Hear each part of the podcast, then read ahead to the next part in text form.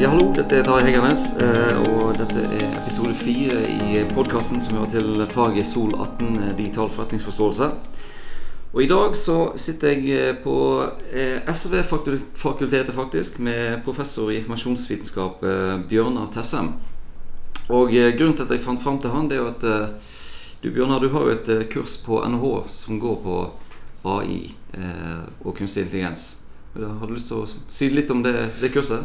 Ja, altså Det er et kurs som vi har på, hatt en gang, og vi skal ha igjen til våren. Eh, det er på masternivå. Og det handler om at studentene får et, eh, en oversikt over kunstig intelligensfeltet. Vi har et spesielt fokus på maskinlæring. Også øvingsopplegg rundt maskinlæring der. Mm. Men studentene lærer jo mer om kunstig intelligens og mer om bredden enn bare maskinlæring, som mange tror faktisk er kunstig intelligens-feltet helt, men det er det ikke. Det er mye mer. Ja. Uh, uh, så i tillegg så er det litt det vi kaller for robotisering, som er mer sånn automatisering av enkle arbeidsprosesser. Ja. Som, der man kanskje kan bruke kunstig intelligente verktøy, men det er ikke på en måte kunstig intelligens i seg sjøl.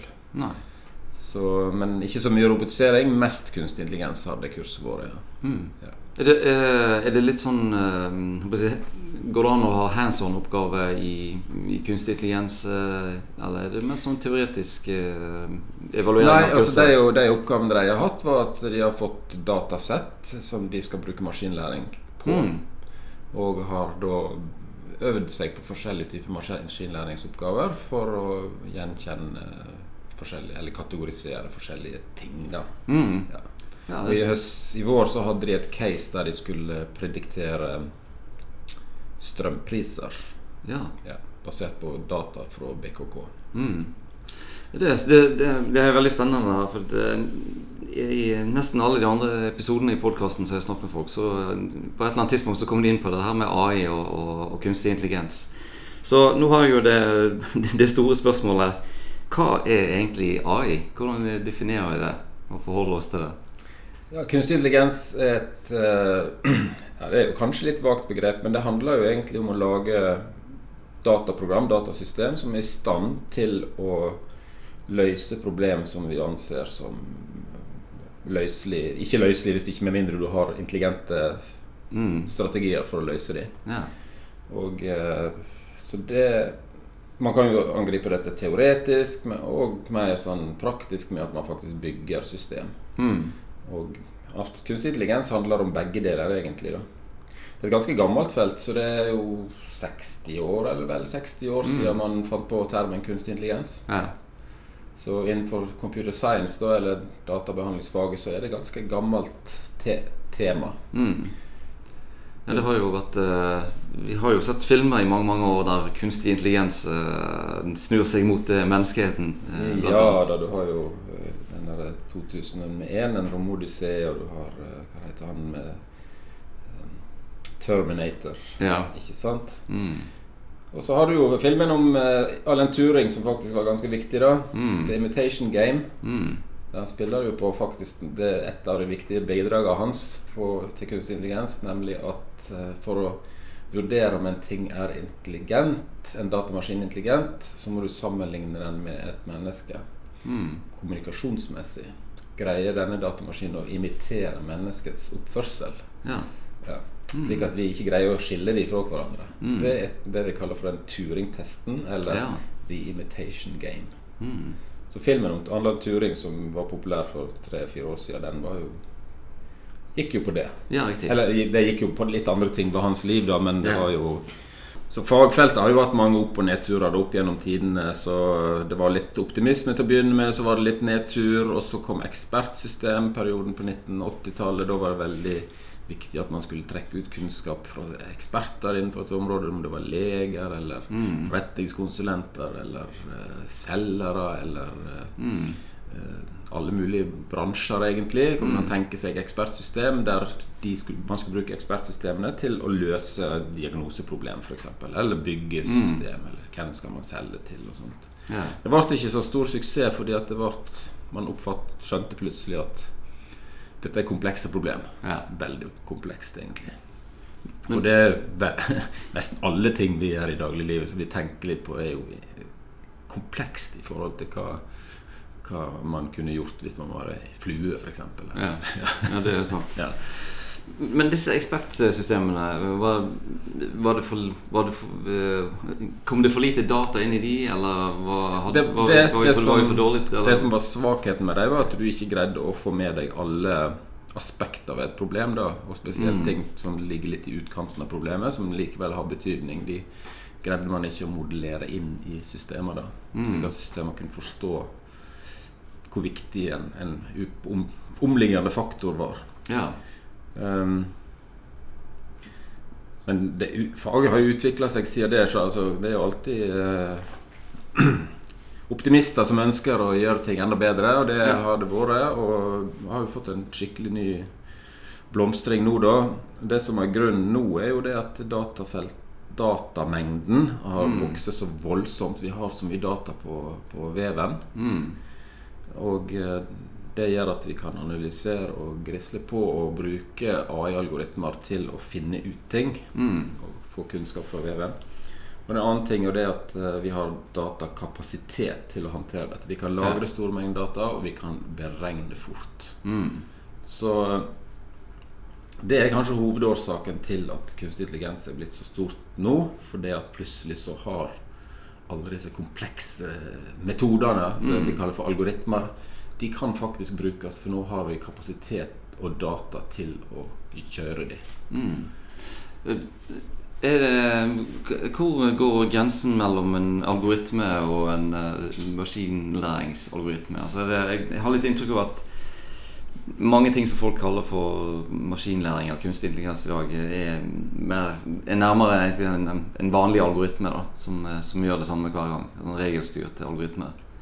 Maskinlæringsalgoritmer det er uh, algoritmer i, i streng forstand. Mm. Det, det er litt um, komplekse. Så håndterer de store datamengder, store det vi kaller for datastrukturer, Mm. som er litt vanskelig å få innblikk i, egentlig. Mm. Derfor er det ofte veldig vanskelig å vite hva er det som gjør at en maskinlæringsalgoritme faktisk gir det svaret den gir. Mm. Uh, man kan programmere det, men, uh, men eh, man vet ikke helt hvorfor svaret er sånn som det er. Spesielt gjelder det når når det er slike neurale nett, som, Mm. er, som er teknologien en bruker. Mm. Man har ord, ord som deep learning, som handler egentlig om at man har eh, en slags analogi til hjernens neurale strukturer, Mm. og prøver å lære å kjenne, kjenne ting basert på det. Det kan være lyd, eller det kan være bilde, eller naturlig språk, eller hva som Mm. helst. Eller andre typer situasjoner som har en sånn eh, si, veldig kompleks sammensetning. Mm. Sånn rent praktisk så, så, eh, så er det jo eh, Det er jo eh, en forventning i hvert fall om at disse algoritmene skal ta beslutninger på vegne av bedrifter. Eh, egentlig sånn I forhold til kanskje til kunder eller i forhold til investeringer og sånne ting. Og jeg tenkte på det her med, med, med GDPR. Så en av de tingene som jeg eh, har blitt oppmerksom på nå i det siste med GDPR, det er jo at eh, hvis eh, en algoritme har tatt en beslutning som vedrører deg som person, så skal du ha innsyn i hvordan den beslutningen blir tatt. Det har du, det, det har du krav på i forhold til, i forhold til GDPR.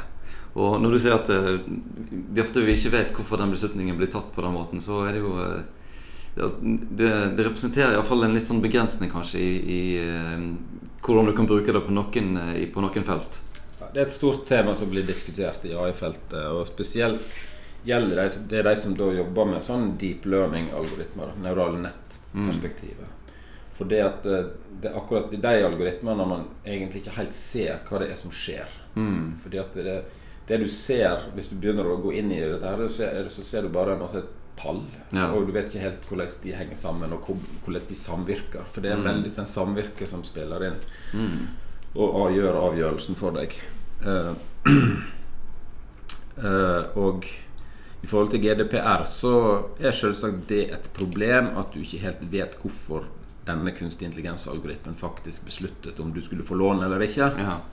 Um, og uh, hvis det Så så det er faktisk et forskningsfelt. Prøve å finne ut av mm. hva, hva, slags deler av strukturen som faktisk da påvirker beslutningen mm. mest. Mm. Det blir kanskje litt abstrakt, dette her, men det, ja. det, er, det er, et komplekst område. Og men neurale nett har, har, det problemet ved seg. Ja. Mens andre maskinlæringsalgoritmer egentlig kan være veldig sånn, tydelige på at det, det, er den variabelen og den variabelen i kombinasjon som, som faktisk uh, bestemmer mm. konklusjonen til virksomheten din. Ja. Ja, nei, for det, det ser jo en, en, konsekvens kan jo bli at uh, hvis det, det ikke er lov å bruke disse algoritmene i, i, i, i ja, fall visse typer forretningssammenheng, så kan mm. du kanskje Jeg vet ikke om det kan bremse på feltet eller, eller noen sånne ting. For vi er nødt til å levere denne gjennomsiktigheten. Ja, gjennomsiktighet eh, kan du sikkert levere likevel, men, men det blir på et annet nivå. Det er liksom sånn at det er de man trekker ut kanskje de mest viktige variablene som man tror egentlig Og har teknikker for å trekke ut de. Mm. Men vet at det kan være så små marginer som avgjør ting her, og da er det likevel et problem om du, kan, om du får fairness i avgjørelser. Eller, mm. så, så, nei, det er et spennende felt, og det, ja, det er forska på.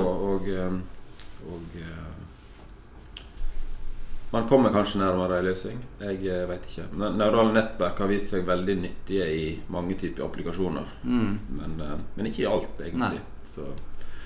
Um, jeg vet ikke om du nevnte det i stad etter vi skulle på mikrofonen, eller før vi skulle på, men du sa at uh, folk forbinder ofte AI eller kunstig intelligens med maskinlæring.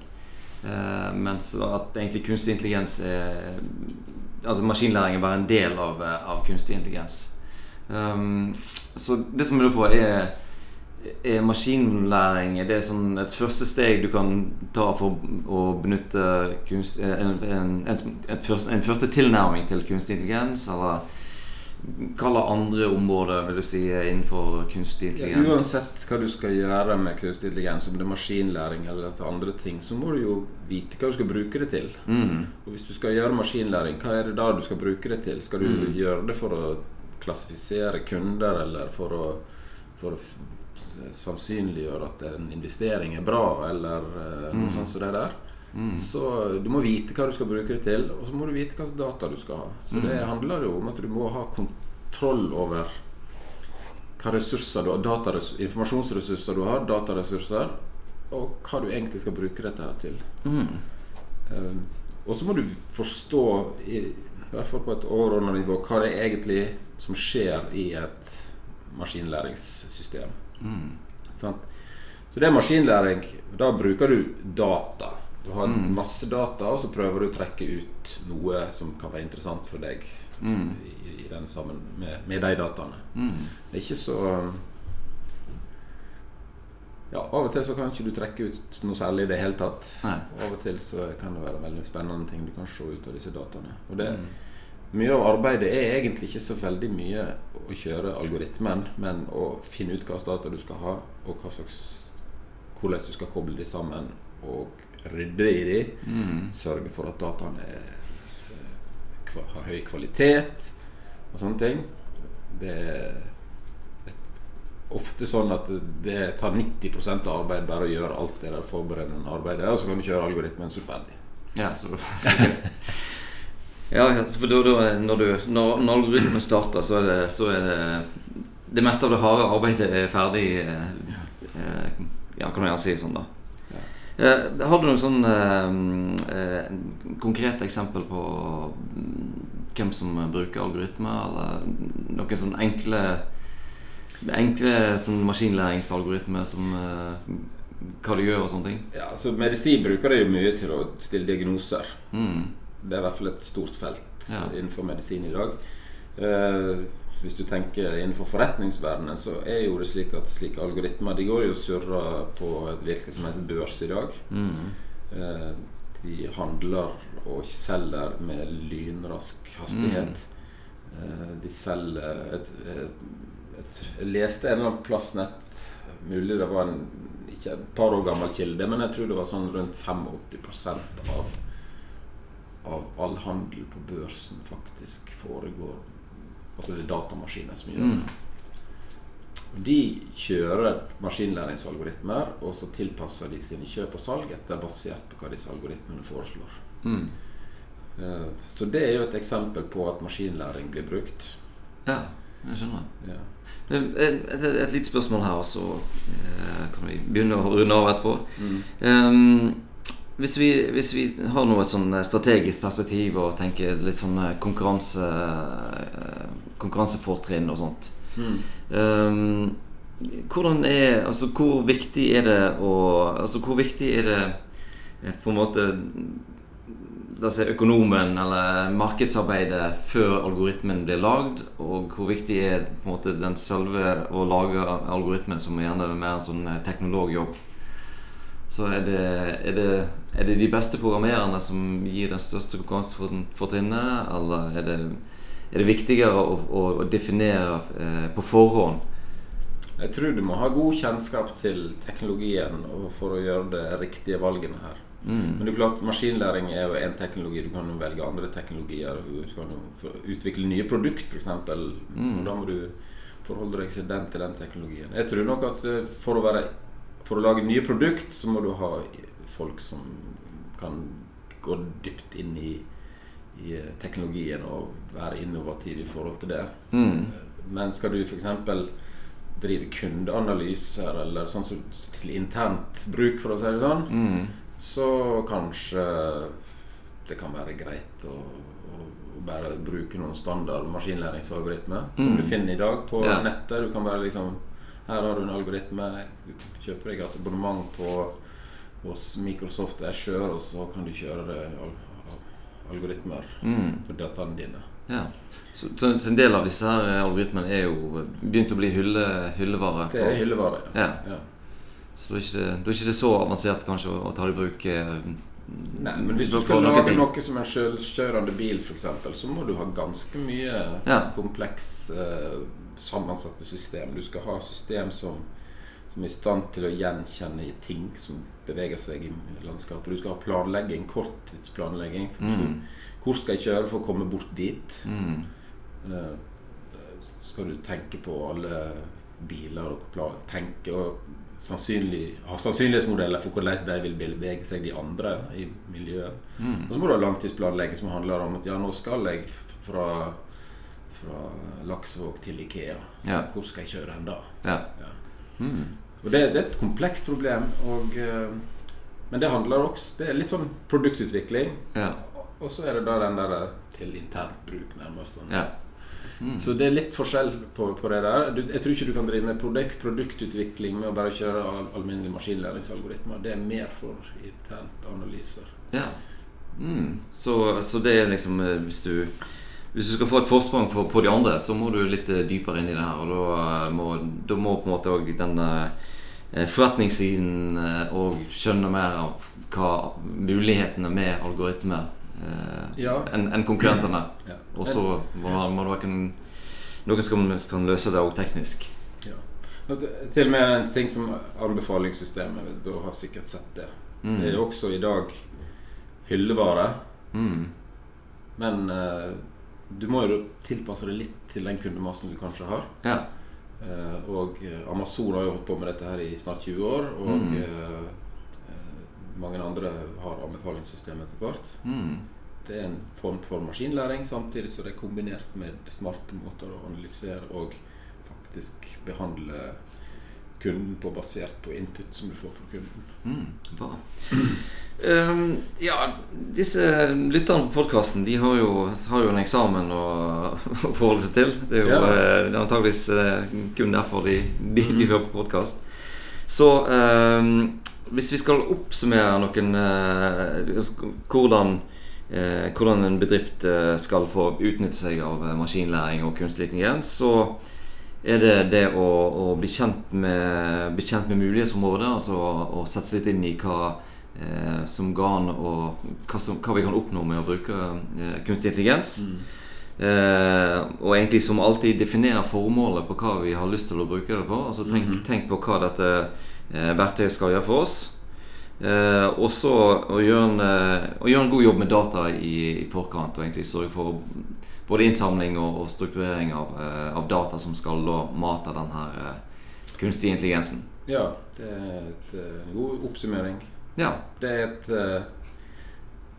det er et spennende felt. Mm. Verden kommer til å utvikle seg dramatisk de neste åra. Og det vil være, selvsagt være en kjempeutfordring for uh, forretning eller business students for å si det sånn, til å, for, å, for å, for, å, forholde seg til den teknologien. Ja. Flott. Eh, tusen hjertelig takk, Bjørnar, for at jeg fikk komme her og få litt tid av eh, arbeidsdagen din. Og um, lykke til med kurset på NHH neste gang du skal ha det, og uh, andre, andre prosjekter her på, på SV-fakultetet. Takk skal du ha. Ja, takk sammen.